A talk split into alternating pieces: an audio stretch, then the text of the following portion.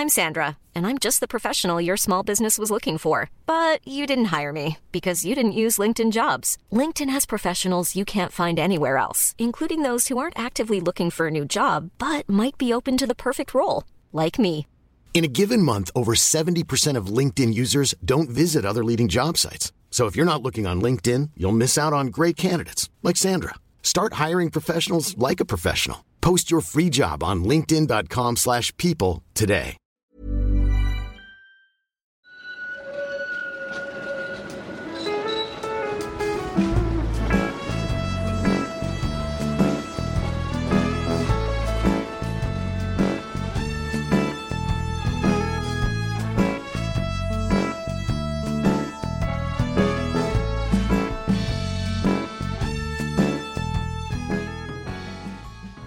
Och välkomna till Gator och torg i Göteborg, en podcast om platser i Göteborg. Det här avsnittet görs i samarbete med Mitt i Göteborg. Jag heter Lina Isaksson och är reporter på tidningen. Med mig som vanligt är Göteborgskännaren och krönikören Mattias Axelsson. Halli hallå. Hej hej! Och eh, nu i dagarna är det ju alla helgona och då passar det ju bra att vara här på Östra kyrkogården. Mm. Ska vi kanske börja med att reda ut vad alla helgona är för något? Ja, tanken är ju att vi ska prata just om Östra kyrkogården, men precis som du säger så är vi ju i alla helgona tider, vilket gör att det passar ganska bra att nämna åtminstone just den här allhelgona-traditionen som vi har i Sverige. För jag tror att de allra flesta tänker att när vi kommer in här i början på november och det börjar närma sig alla helgons dag så går man på kyrkogården och man tänder ljus på gravarna eller ställer ljus i någon typ av minneslund för att minnas sina anhöriga.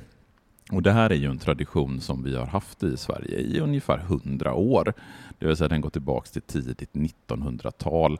Det är då den traditionen kommer till Sverige. Vi har haft vissa sådana ljuständningstraditioner långt tidigare, men då har de varit förknippade med julhelgen i första hand. Men någon gång där i början på 1900-talet så knyts traditionen istället just till allhelgonahelgen.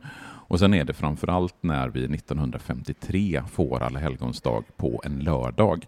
Då nästan fullkomligt exploderar ljuständningarna.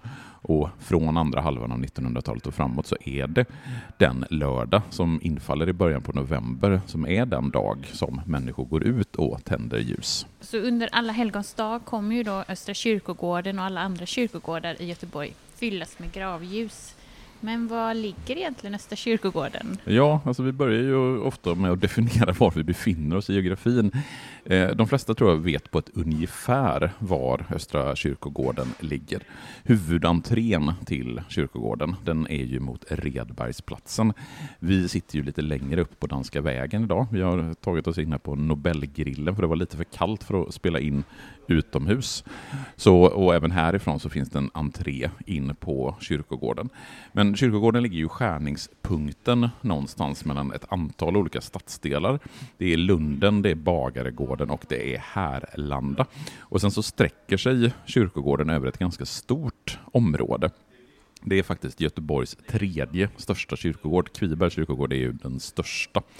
Och tittar man på flygfotografier eller kartor över dagens Östra kyrkogården så kan man ju väldigt tydligt se hur man har tänkt när man har utformat kyrkogården. För då är det dels två ganska stora cirkelformade anläggningar som dominerar mitten på Östra kyrkogården. Och sen så har vi två stycken kullar som man kan gå upp på. Och då är det ju framförallt den västra kullen som har Ja, men som folk förmodligen känner till, för det är uppe på den västra kullen, alltså den som man kommer till om man antingen går in genom entrén vid Redbergsplatsen, eller ännu hellre om man vill gå rakt på kullen så kan man gå in via entrén på Nobelgatan, för då kommer man upp till den här kullen där de här oerhört ståtliga och pampiga gravmonumenten som ju är det som är mest känt på Östra kyrkogården ligger.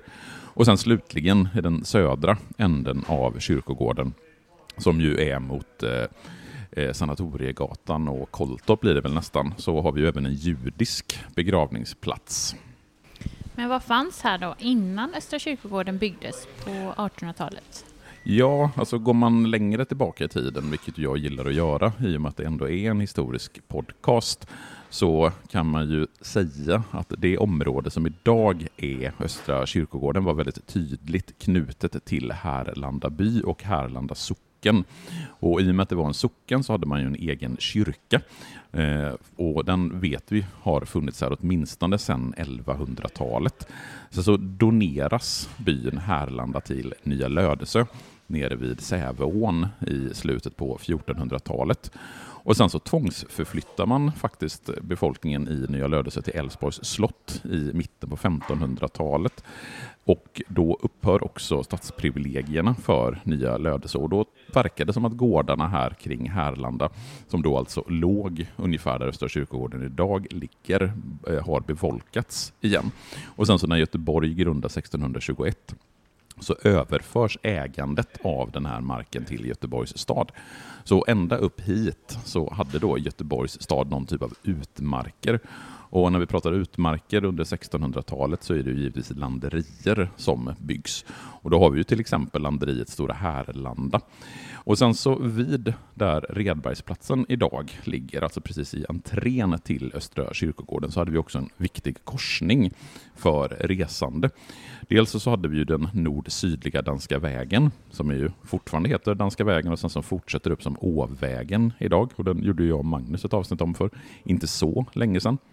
Och den danska vägen i nord-sydlig riktning, den korsar ju här vid Östra kyrkogården den väg som går österut mot Allingsås och sen så vidare bort mot Stockholm, alltså nuvarande Härlandavägen, Redbergsvägen. Och just här vid Knut knutpunkten för de här vägarna så låg det både krogar och värdshus och bedrevs en del handel just för att det rörde sig så väldigt mycket människor. Men ska vi säga något om området här kring i allmänhet så är det just utmarker till Göteborgs stad från 1600-talet och då bedrivs det olika typer av jordbruk som ska försörja stadens befolkning. Man har mulbete, man har ju de här landerierna, men det är fortfarande en del av Göteborgs stads marker. Eh, åtminstone från, alltså där som är Östra kyrkogården. Sen söder om Östra kyrkogården är ju Örgryte socken, men där Östra kyrkogården byggs, det är fortfarande Göteborg. Så då blev det då en begravningsplats här på 1800-talet. Men det var inte den första i Göteborg? Nej, alltså man har ju begravt människor i alla tider och jag återkommer ju ofta till när man har liksom belägg för stenåldersgravar, och bronsåldersgravar, och järnåldersgravar och liknande. Och olika typer av begravningsskick, det har ju funnits så länge det har funnits människor för att vi måste begrava de döda, helt klart. Men med medeltiden och med kristendomen så kommer ju ett nytt begravningsskick från 1100-talet och framåt. För då byggs det ju kyrkor och till kyrkorna så har man ofta en liten kyrkogård och på den här kyrkogården på de medeltida kyrkorna så delade man ofta in marken sockenvis. Så de som bodde i en viss socken de eh, begravdes till alltså på en viss del av kyrkogården. Och de här kyrkorna under medeltiden de var ju ofta befästa eftersom vi har krigiska perioder och det är inte ovanligt att det kommer olika typer av anfall. Och Det här lever ju fortfarande kvar i att många kyrkogårdar har kyrkogårdsmurar runt omkring sig som en del av en gammal befästningskultur. Och Sen så har det också på de gamla kyrkogårdarna funnits olika typer av byggnader som är väldigt vanligt. Det finns klockstaplar som man ställer på en kulle för att eh, kyrkan ska kunna höras vida omkring i socknen. Men de här kyrkorna och byggnaderna i anslutning till begravningsplatserna. De var inte speciellt påkostade utan det var ofta lokalt byggnadsmaterial såsom tegel och när det fanns skog så var det ju timmer som man byggde i. Sen så finns det en liten rolig detalj i att Gustav Vasa 1544 förbjöd djurbete på kyrkogårdarna.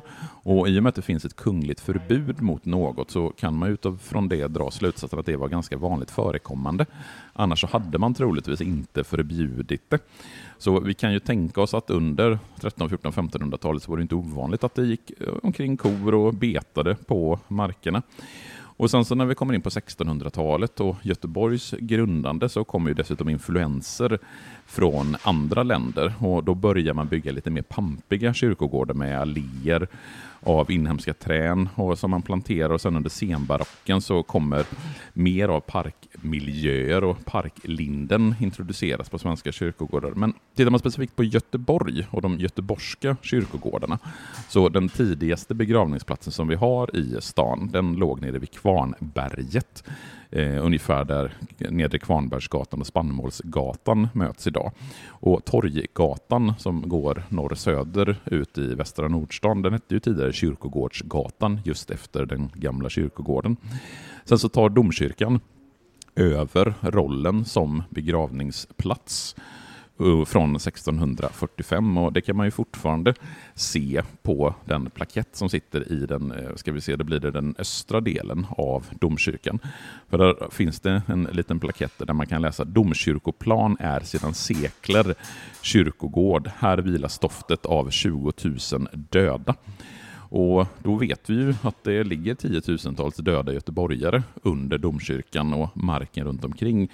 Men begravningsplatsen till domkyrkan den sträckte sig mer åt norr, eh, alltså där Drottninggatan går och sen ytterligare lite norrut. Och när man byggde på Drottninggatan under mitten på 1800-talet så hittade man välbevarade kistor inne på gårdarna som belägg för att det har varit en begravningsplats här. Där ser man. Det är nog inte så många som vet. Nej. Men eh, sen förändrades ju begravningarna under 1700-talet. Ja, alltså under 1700-talet så får vi en period av upplysning och sekularisering och man kom att liksom se de här kyrkogårdarna, begravningsplatserna som ju var överfulla man, man tänk, började tänka på dem som potentiella smitthärdar. Det vill säga, man, man var lite rädd för att ha begravningsplatserna inne i stan. För vi har ju under 1700-talet och 1600-talet tidigare också för den delen, sjukdomar och epidemier som grasserar. Så det är inte jättekonstigt att när man blir lite mer medveten så tänker man sig att man ska flytta ut begravningsplatserna.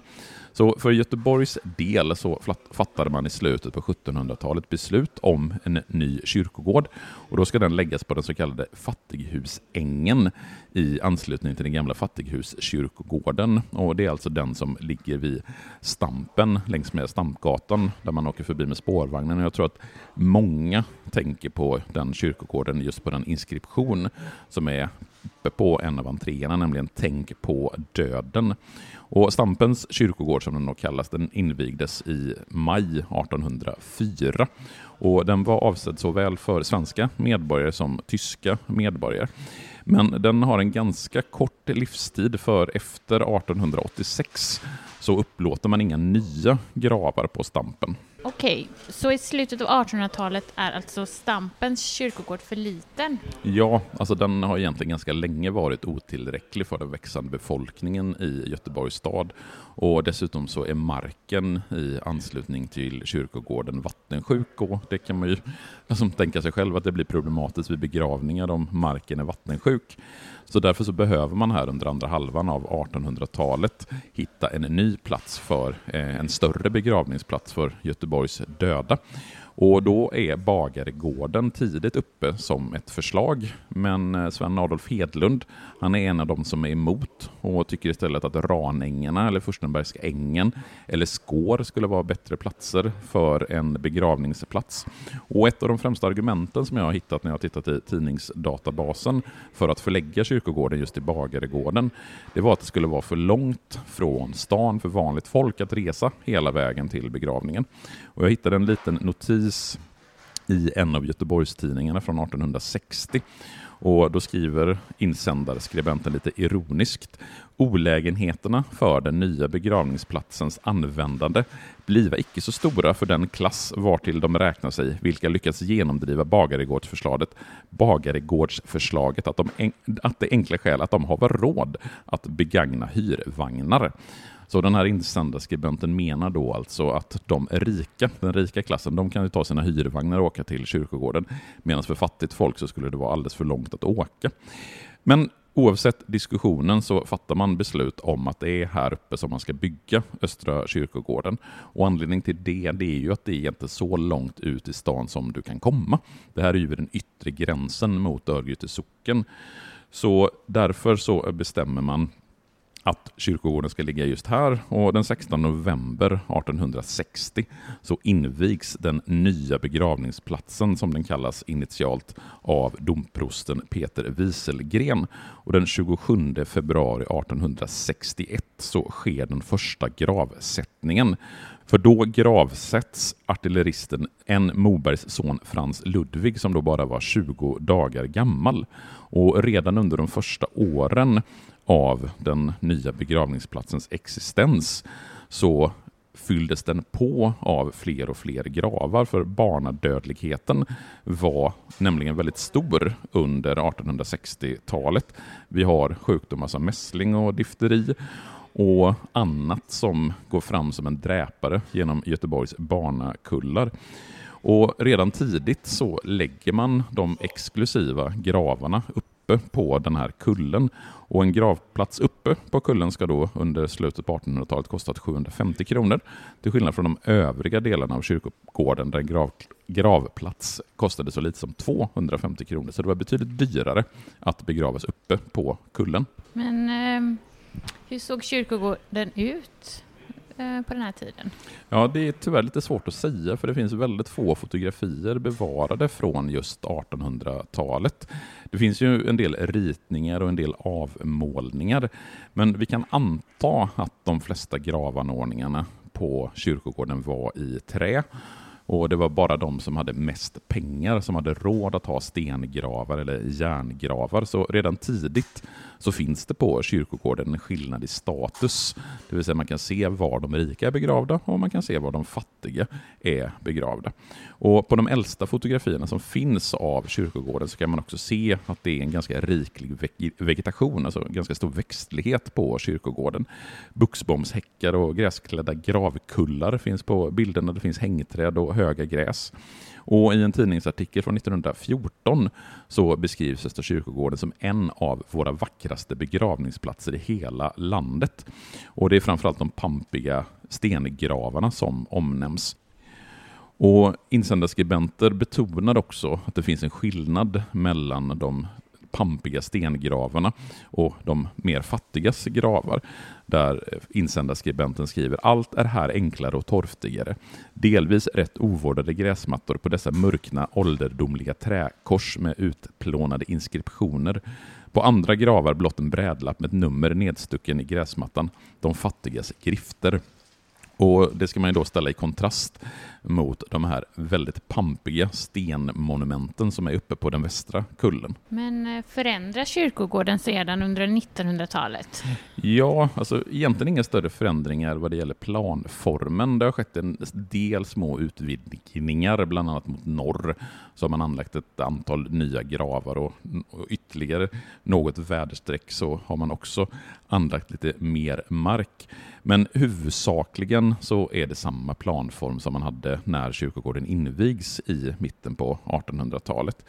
Sen när 1900-talet börjar så för man en ganska livlig debatt i pressen om kyrkogårdarnas utformning.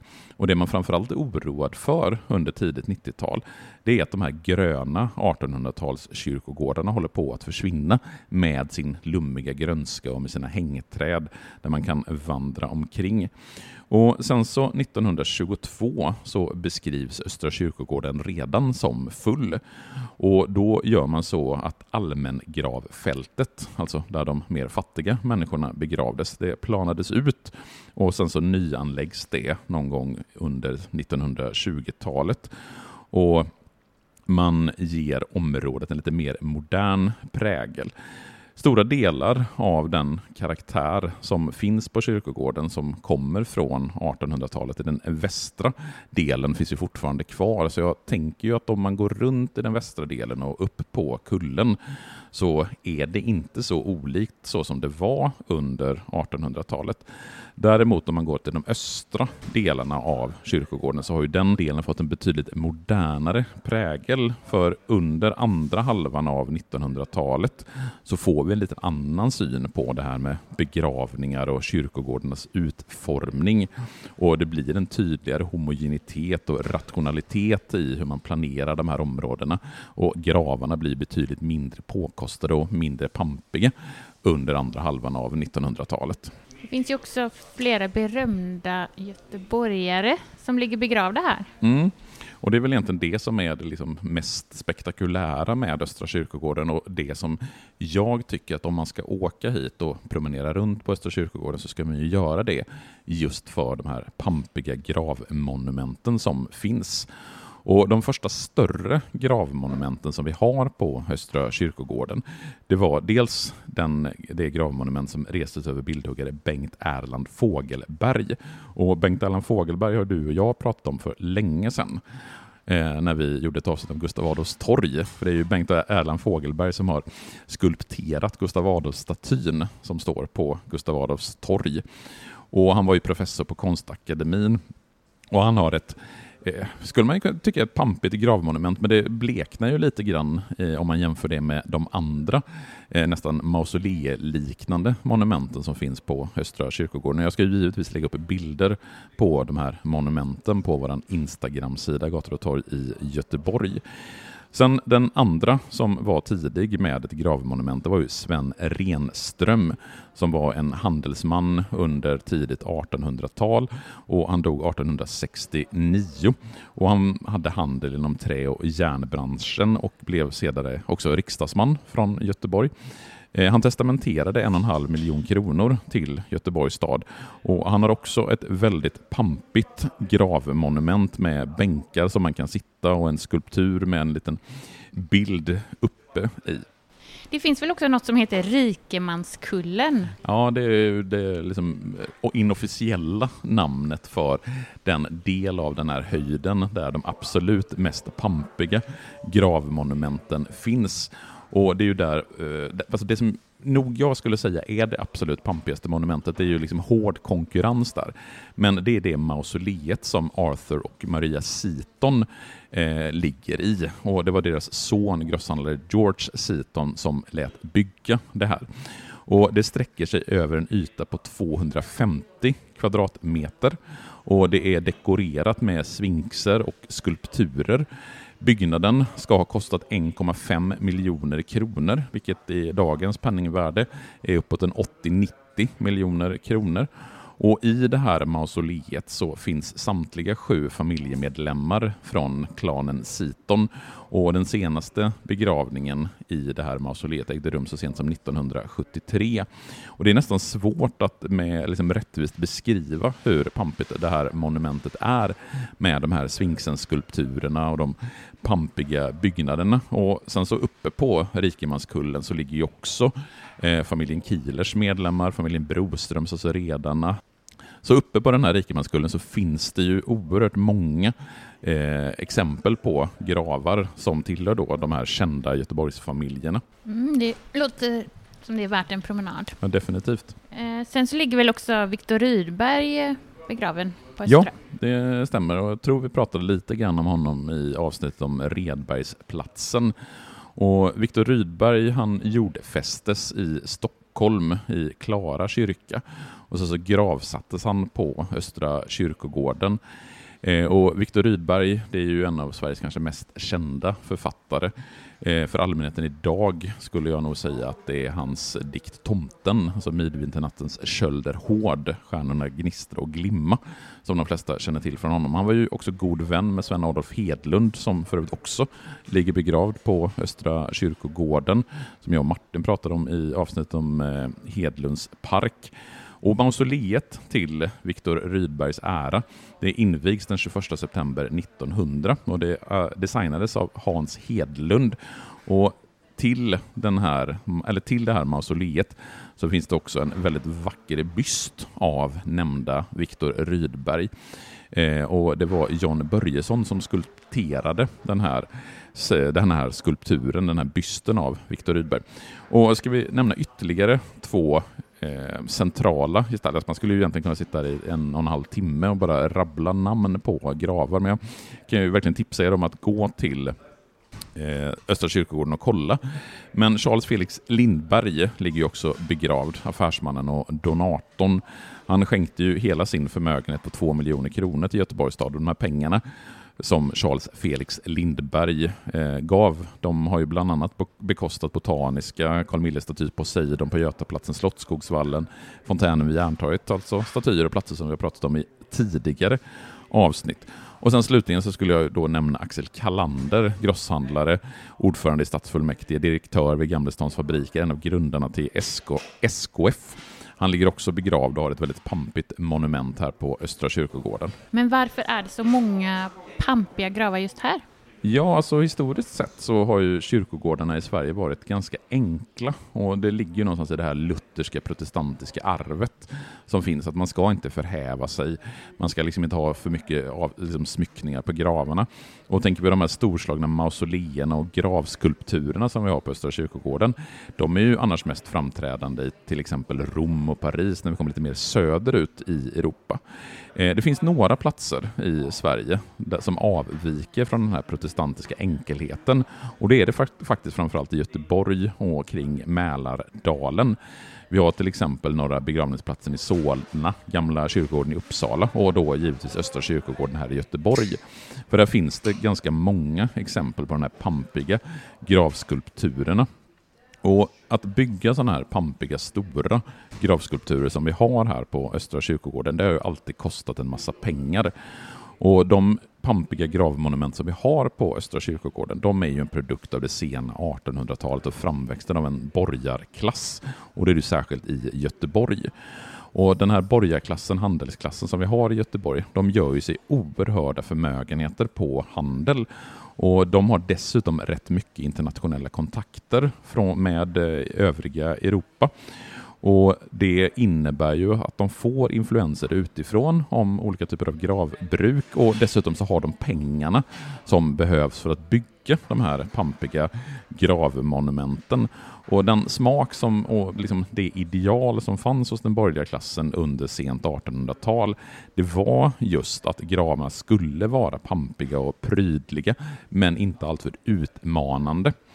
Eh, så att vi har just de här kyrkogårdsmonumenten, alltså de här pampiga gravskulpturerna, så det hänger ihop just med den starka handelsborgarklassen i Göteborg och deras stilideal under sent 1800-tal. Ja, väldigt spännande gammal historia. Men eh, jag har också hört att det hände något eh, lite märkligt på 1980-talet. Ja, det blir ett lite märkligt hopp här i kronologin när vi har pratat om de här pampiga gravarna och olika eh, mausoleum och sånt. Men jag kände ändå att på något sätt så behövde vi, be, behöver vi beröra den här ganska bizarra historien från tidigt 1980-tal. För 1983 tror jag det är, så publiceras ett antal artiklar där man skriver om personer som, har, liksom, som anklagas för att ha haft satanistiska riter på Östra kyrkogården. Och det finns då ögonvittnen i de här texterna där man beskriver scener med individer som har kåpor på sig, med dova trummande ljud under nattetid, eh, upp och nervända kors, värmeljus som är lagda i specifika eh, formationer. Och det finns en spännande eh, artikel från, jag tror det är GT, i november 1983 där man intervjuar en präst med den fantastiska rubriken På vakt mot djävulsdyrkare. Så det här verkar som att det var en ganska stor grej i Göteborg under tidigt 1980-tal. Och samma år som den här artikeln om djävulsdyrkare på Östra kyrkogården publiceras så var det också ett inbrott i den eh, nämnda Sitons familjegrav, alltså den här stora pampiga graven uppe på Rikemanskullen. Och då finns, eh, jag tror det är från GP där, Sveriges största mausoleum skändat. Men man tror när man har tittat på det här i efterhand att det var förmodligen inte satanister eller djävulsdyrkare som låg, det var som ingen, ingen gravskändning på det sättet, utan att det var troligtvis snarare någon som var ute för att stjäla värdeföremål och sånt som fanns i kistorna. Så, eh, inte satanister, utan snarare någon typ av eh, gravplundrare som var ute efter rikedomar i området. Eh, ja, det finns ju mycket spännande att berätta om eh, kyrkogårdar.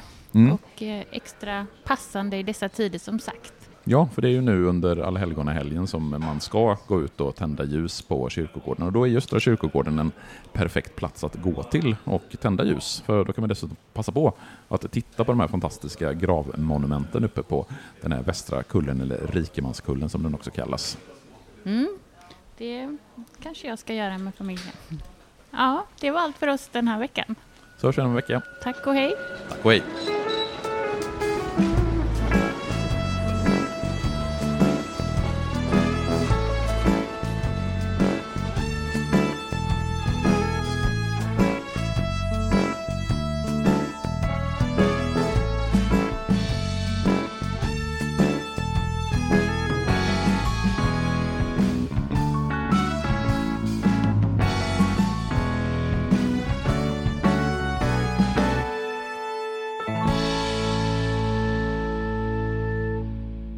Gator och torg i Göteborg produceras av Reostat Media AB.